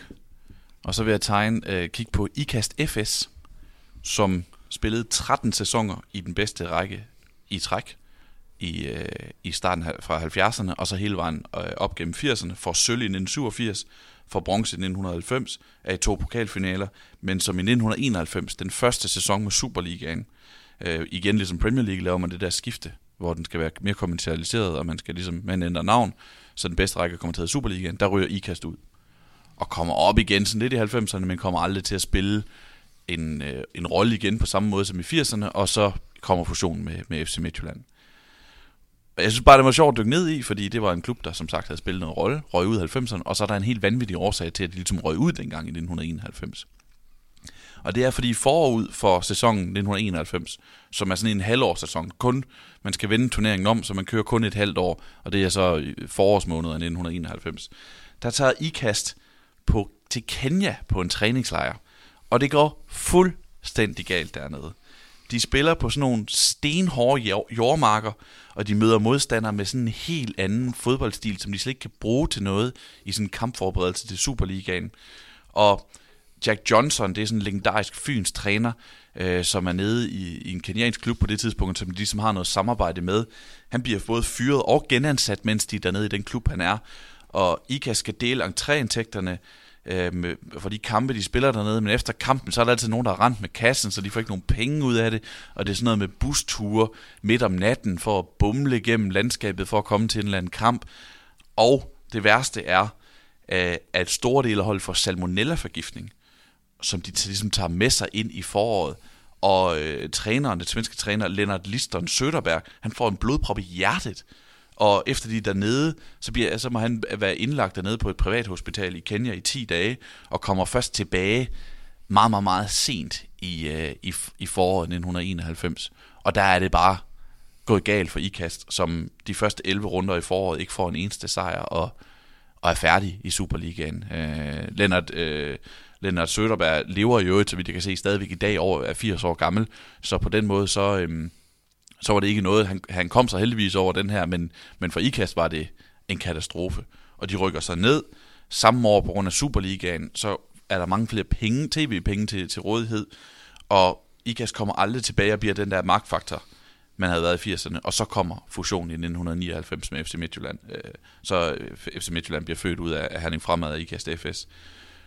Og jeg kan ikke bare ikke lade være med at spekulere på, var den fusion kommet? Det har man noget, man har snakket om i mange år, men det var også vanskeligt, du ved, Carsten, du for området, det var vanskeligt ligesom at, at få den her fusion til at ske, fordi det var også to klubber, der strides og var konkurrenter og sådan noget, så det var svært endelig at, øh, det var svært at få den der fusion til at blive til noget, men det kunne så blive til noget, fordi de begge to var blevet på nogenlunde samme niveau på næstbedste række, øh, i den næstbedste række.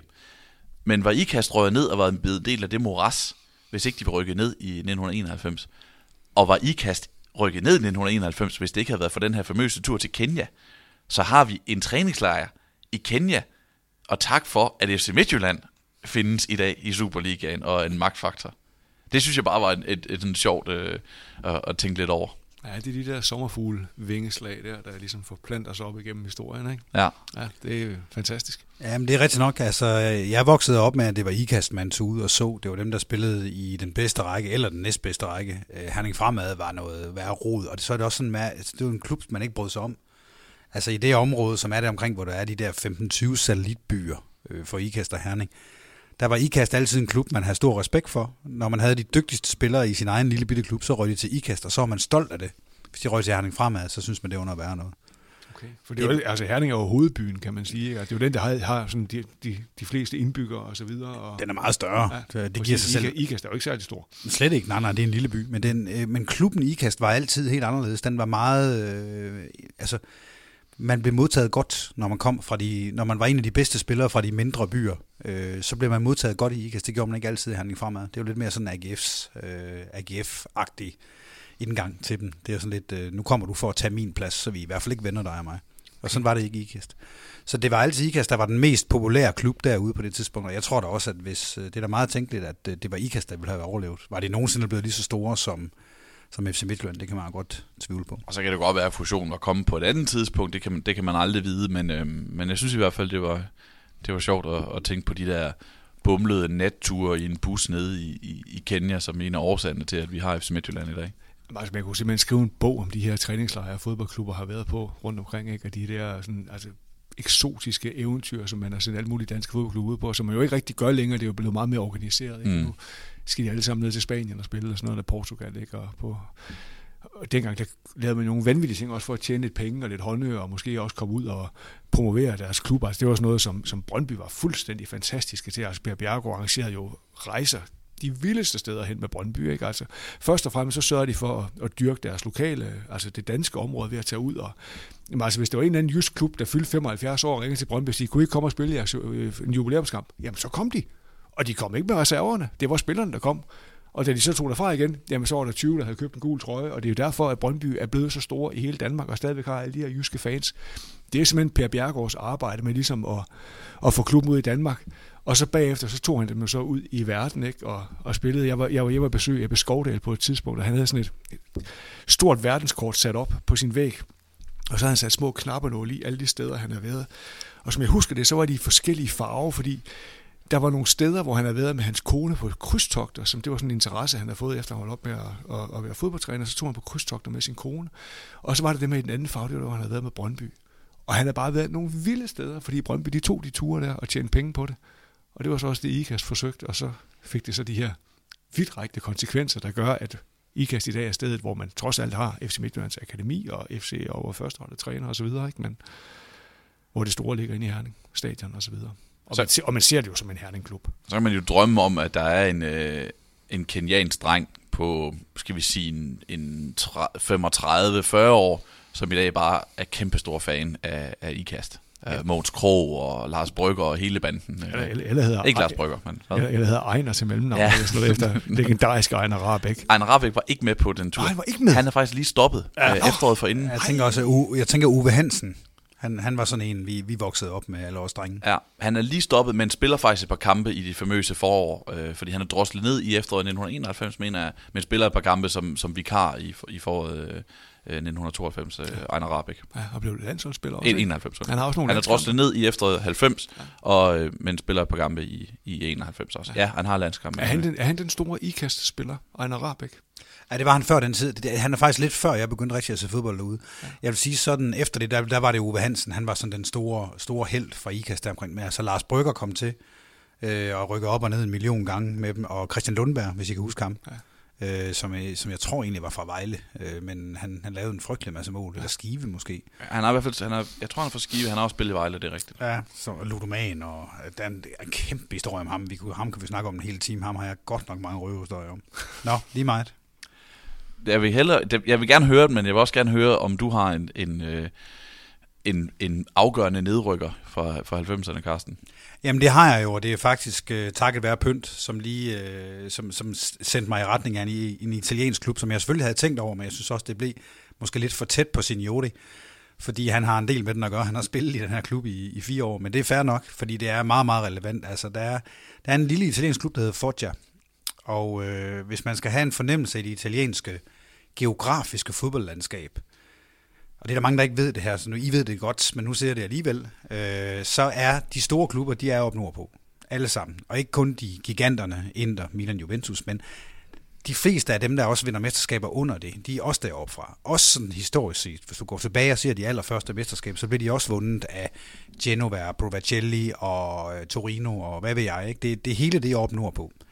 Der er stort set, så snart du kommer ned sydpå, så er der næsten ingen italienske fodboldklubber, som kan overleve i Serie A sæson efter sæson. De går, de går for lidt igen og igen, og, og danner de her Phoenix-klubber. Og, og Foggia har også, jeg tror, det er, det er den fjerde klub nu, som er sådan en Phoenix-klub. Mm. Øh, de spiller CSC i øjeblikket.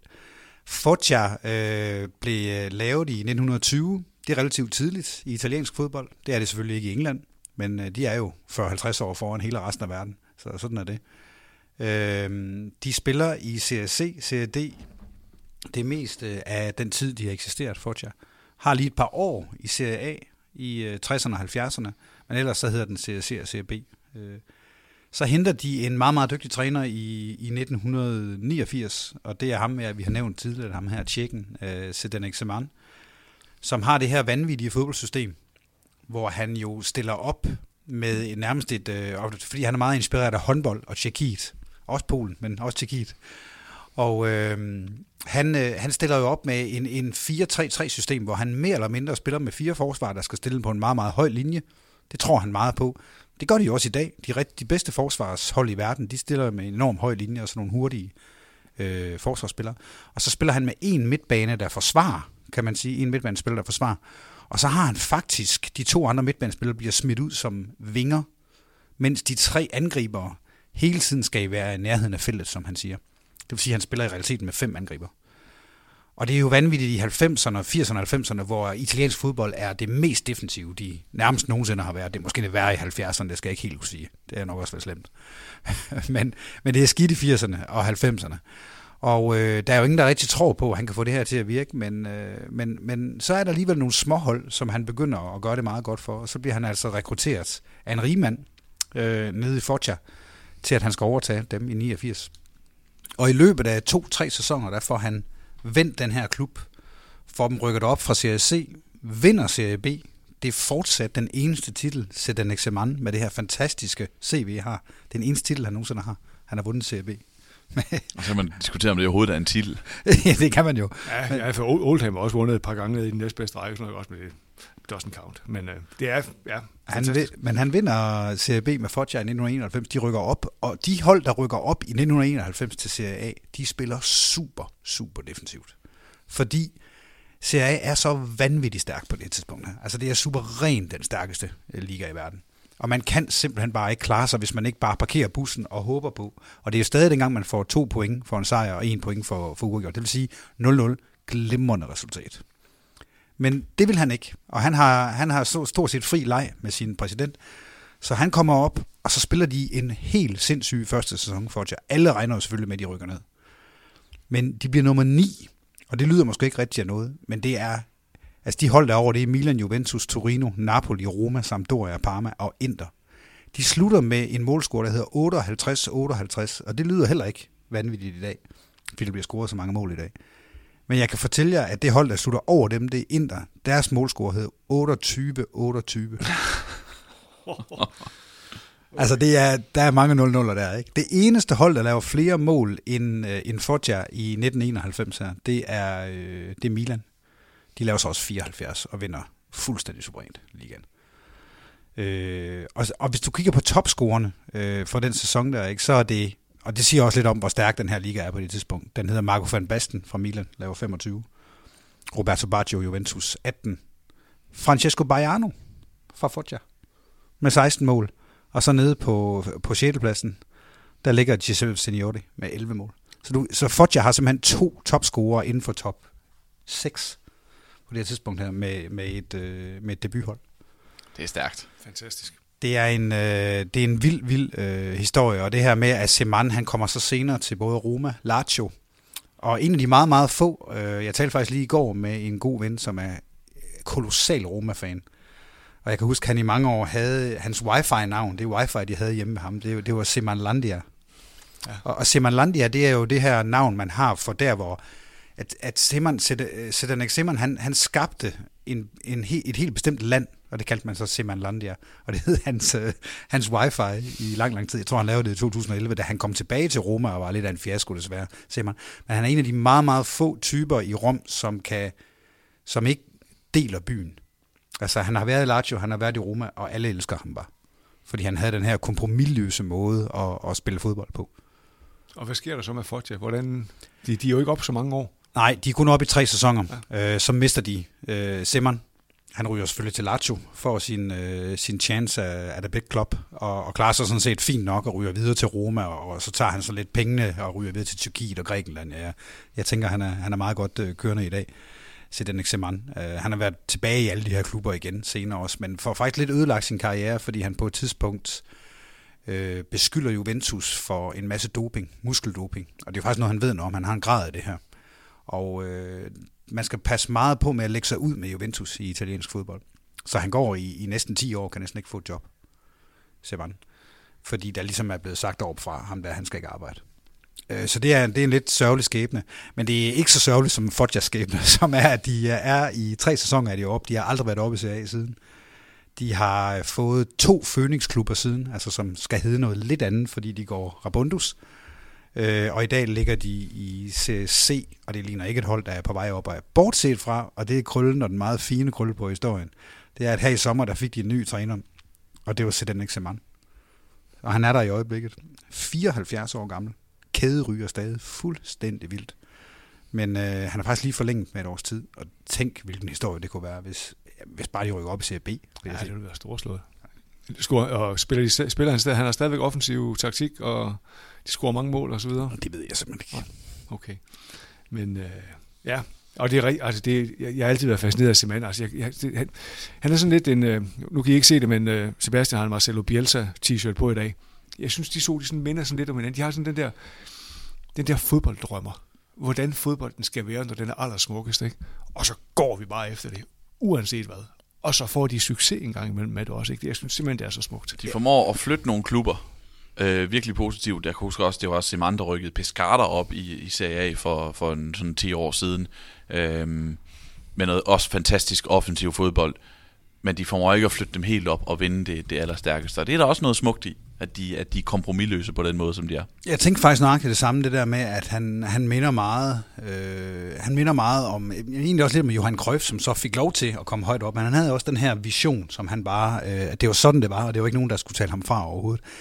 Det skal siges, Seman var jo meget populær i de klubber, han var, og ikke kun øh, blandt spillerne og blandt, øh, led, øh, og blandt øh, publikum, men også blandt ledelsen, fordi han var jo en pengemaskine, ham her. Han lavede jo spillere, som de kunne sælge for en formue, fordi de lavede en frygtelig masse mål. På den måde så minder han måske en lille smule om Sassuolo i dag, af den måde, de gør tingene på.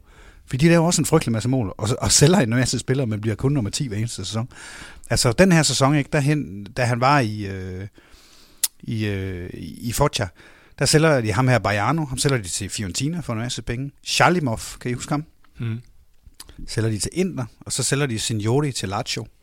Og da han er i, øh, i Pescara, der, der taler vi jo om, at han, han bagefter, der leger han faktisk kun Immobile og Insigne, som er bedste venner. Øh, de her to landsholdsspillere fra Italien i dag, og EM-vinder fra i sommer. De er faktisk lejet begge to. Men Verratti er jo hans mand. Og øh, så, så de, her, de her klubber, der kommer frem med, øh, med den her spillestil, de sælger spillere for millioner og millioner. Og da han kom til Roma, var han bestemt ikke en succes anden gang, han kom til Roma, men han fik alligevel solgt Marquinhos, som var den her brasilianske forsvarsspiller slash midtbanespiller, som spiller i PSG for omkring 300 millioner. Og det var altså en spiller, man havde givet altså mindre end en million euro for i sin tid. Så han har altid været en enorm god forretning for de øh, ejere, som har ansat ham. Nu er jeg lidt inde og tjekke stillingerne i CAC af, af ren nysgerrighed her. De spiller, de spiller selvfølgelig nede i den sydlige division, der er, der, der, der er tre CAC'er. Og øh, Bari de vandt, og Palermo blev nummer tre, så der er også et par store klubber, der hænger dernede i, i den tredje bedste række. Calcio Foggia blev nummer syv, næst mest scorende med 62 mål, og et af de hold, der gik flest ind, mål ind, fjerde flest mål ind på med 51. Det er heller ikke usædvanligt for så hans det er, men, men hvor meget siger du? Seman 62-51 øh, i målscore, så Seman er still going strong.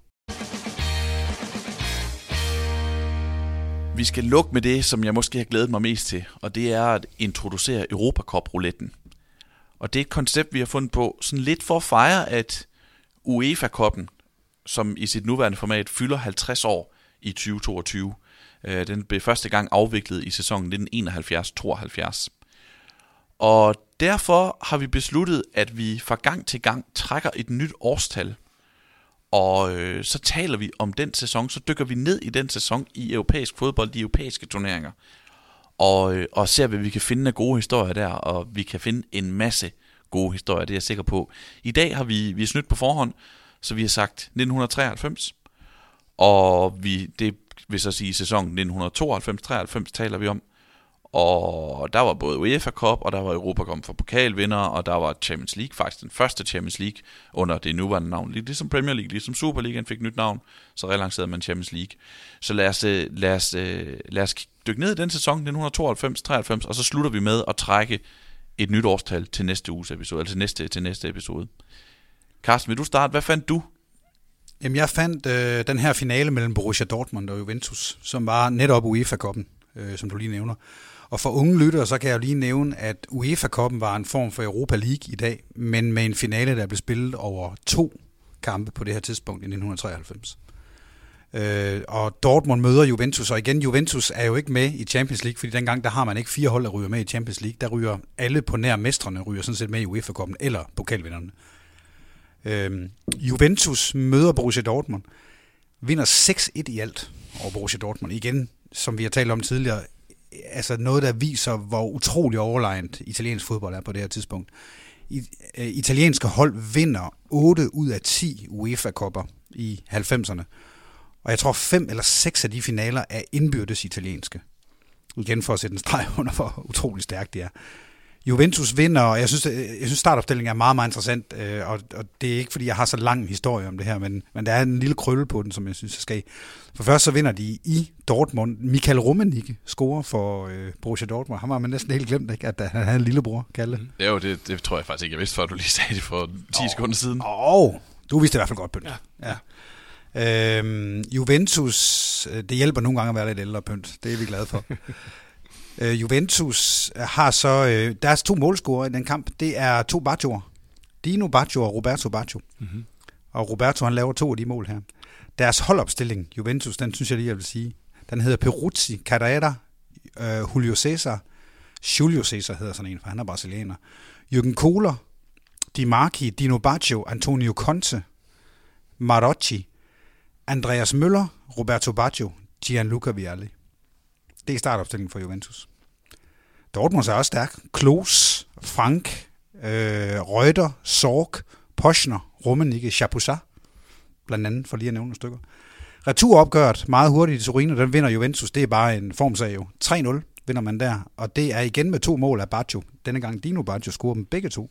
Og Andy Møller scorer mod sine landsmænd.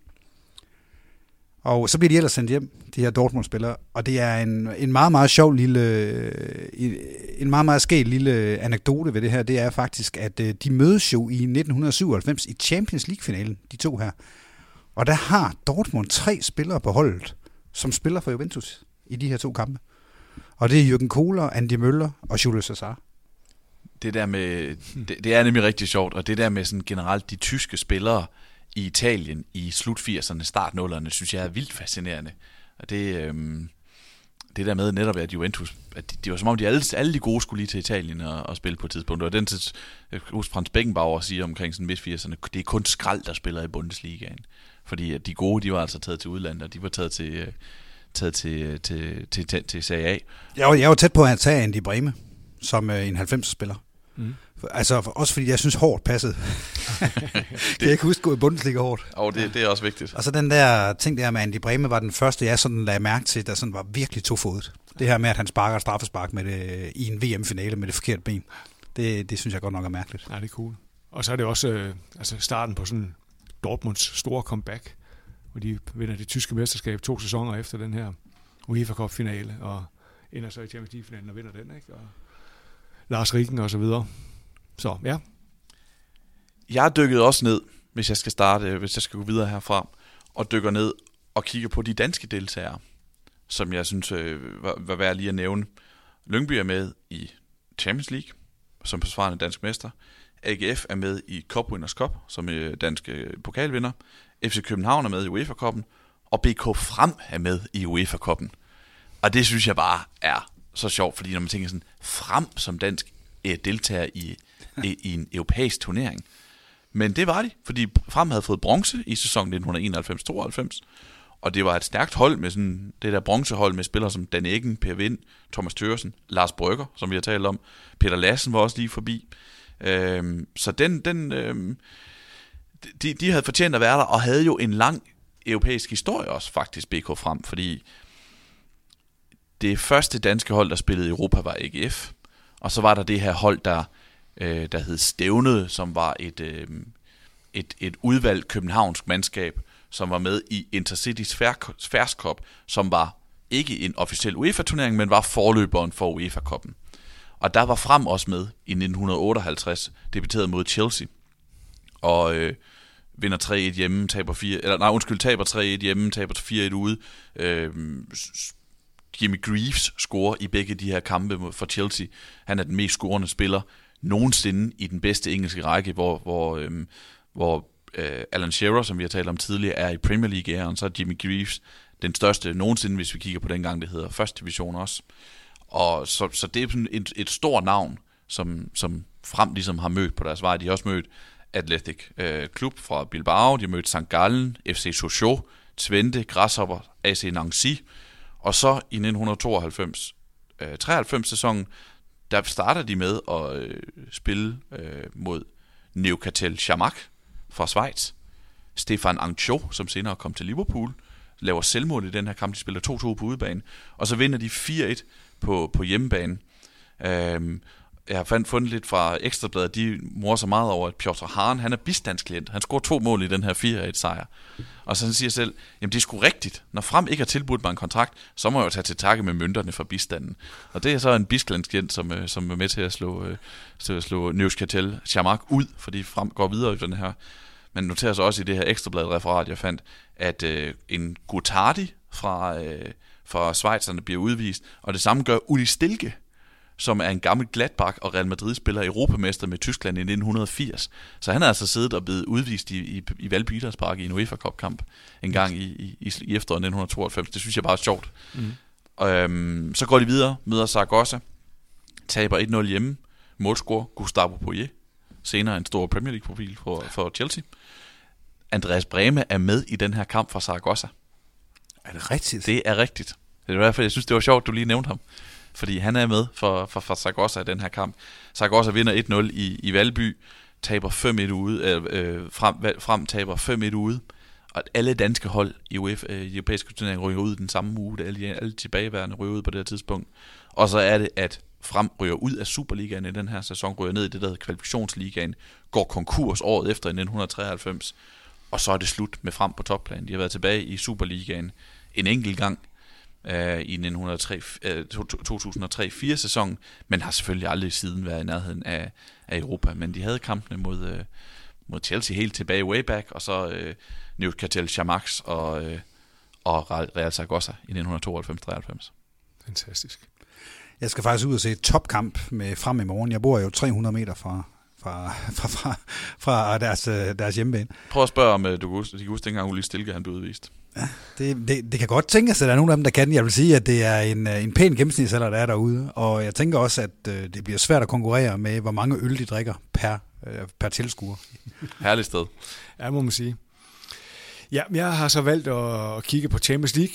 Den første udgave af Champions League, og det her forbløffende format, som man havde med at gøre, som, vi også, som du også lige nævnte, Carsten. Det er, der kun er, det er simpelthen kun mesteren for hvert land, der er med, og det er usidet også. Og det betyder, at man ender med, med kun to grupper, der ligesom skal finde ud af, hvem, det er, det, hvem der skal ende med at spille finale. Det er kun de to gruppevindere mødes, går direkte i en Champions League-finale. Og hvis man sådan grupperne, det er Marseille, Rangers, Klub Brygge og CSKA Moskva i den ene, Milan, IFK Göteborg, Porto og PSV Eindhoven i den anden. Og det ender så med, at altså Marseille vinder den ene gruppe, Milan vinder den anden, og de mødes i finalen. Marseille vinder 1-0.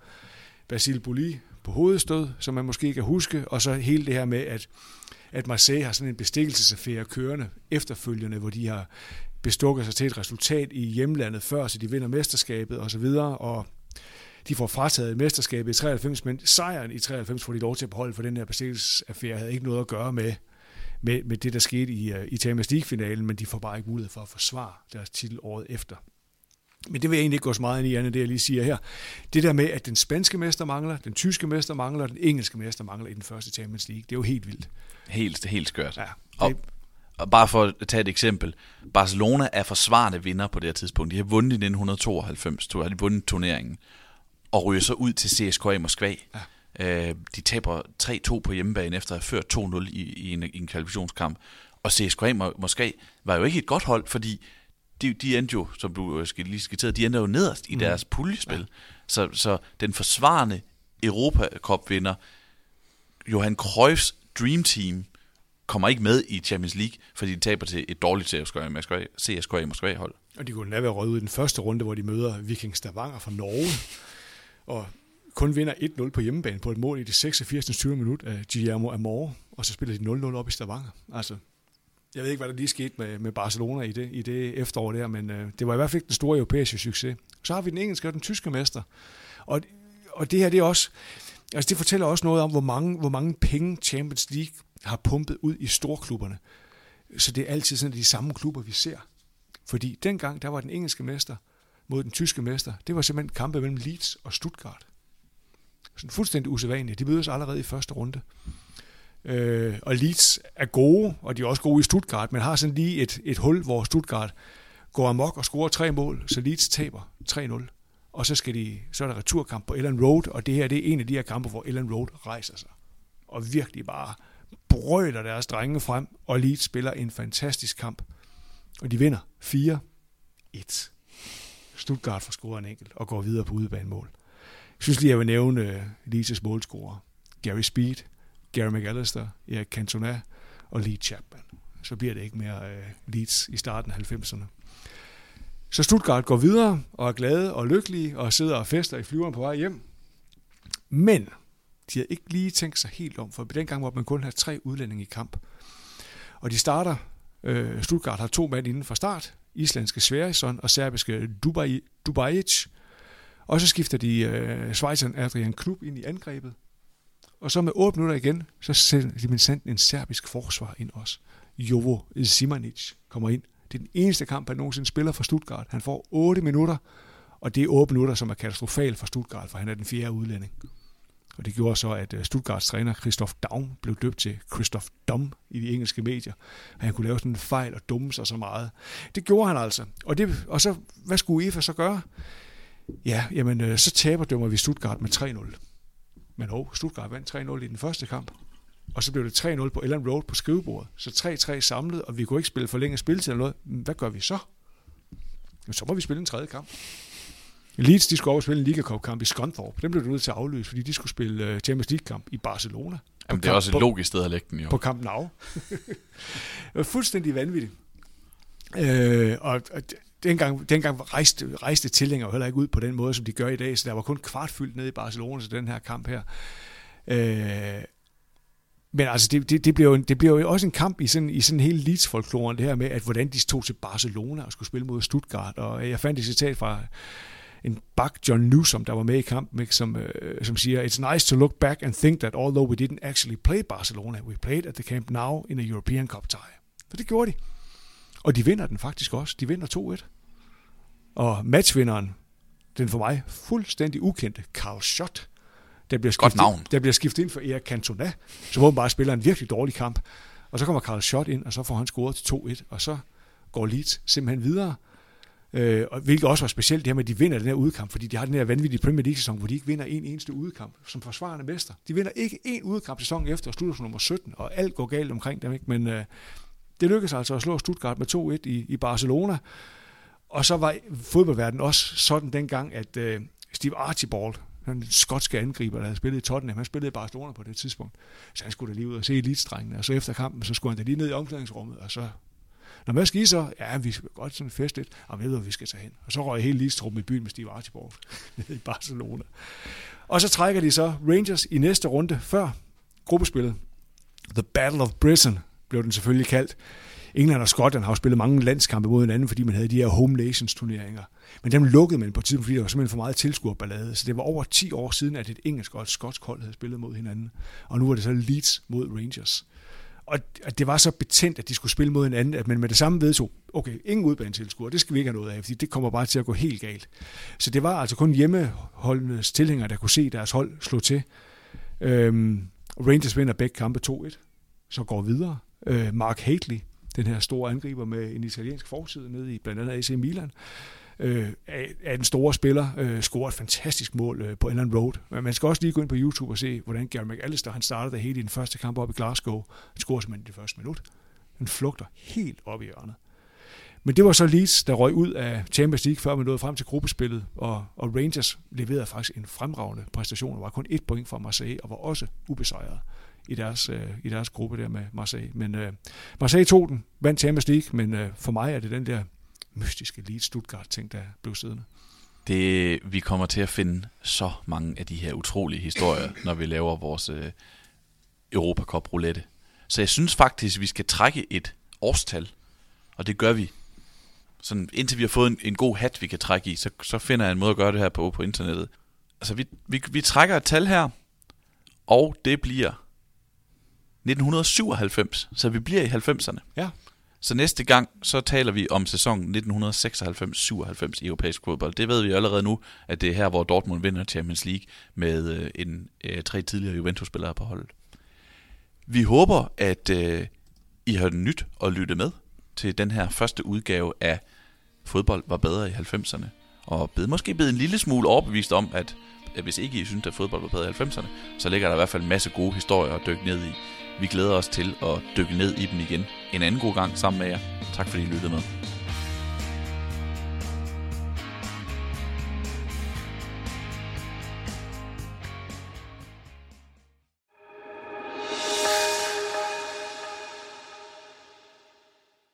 Du har lyttet til Fodbold var bedre i 90'erne.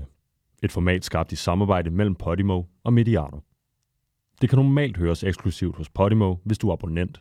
Men igennem efteråret bringer vi fire af de tidligere afsnit i Medianos kanaler, så alle kan få en fornemmelse af, hvad det handler om. Hvis du gerne vil høre de nye afsnit, der udkommer hver lørdag, og du ikke allerede er abonnent, så prøv Podimo gratis i 45 dage. Gå ind på podimo.dk-konge. Hos Podimo finder du også eksklusive udsendelser, som for eksempel Her går det godt, eller Livet i følge Emil og Thomas. Tak fordi du har lyttet med.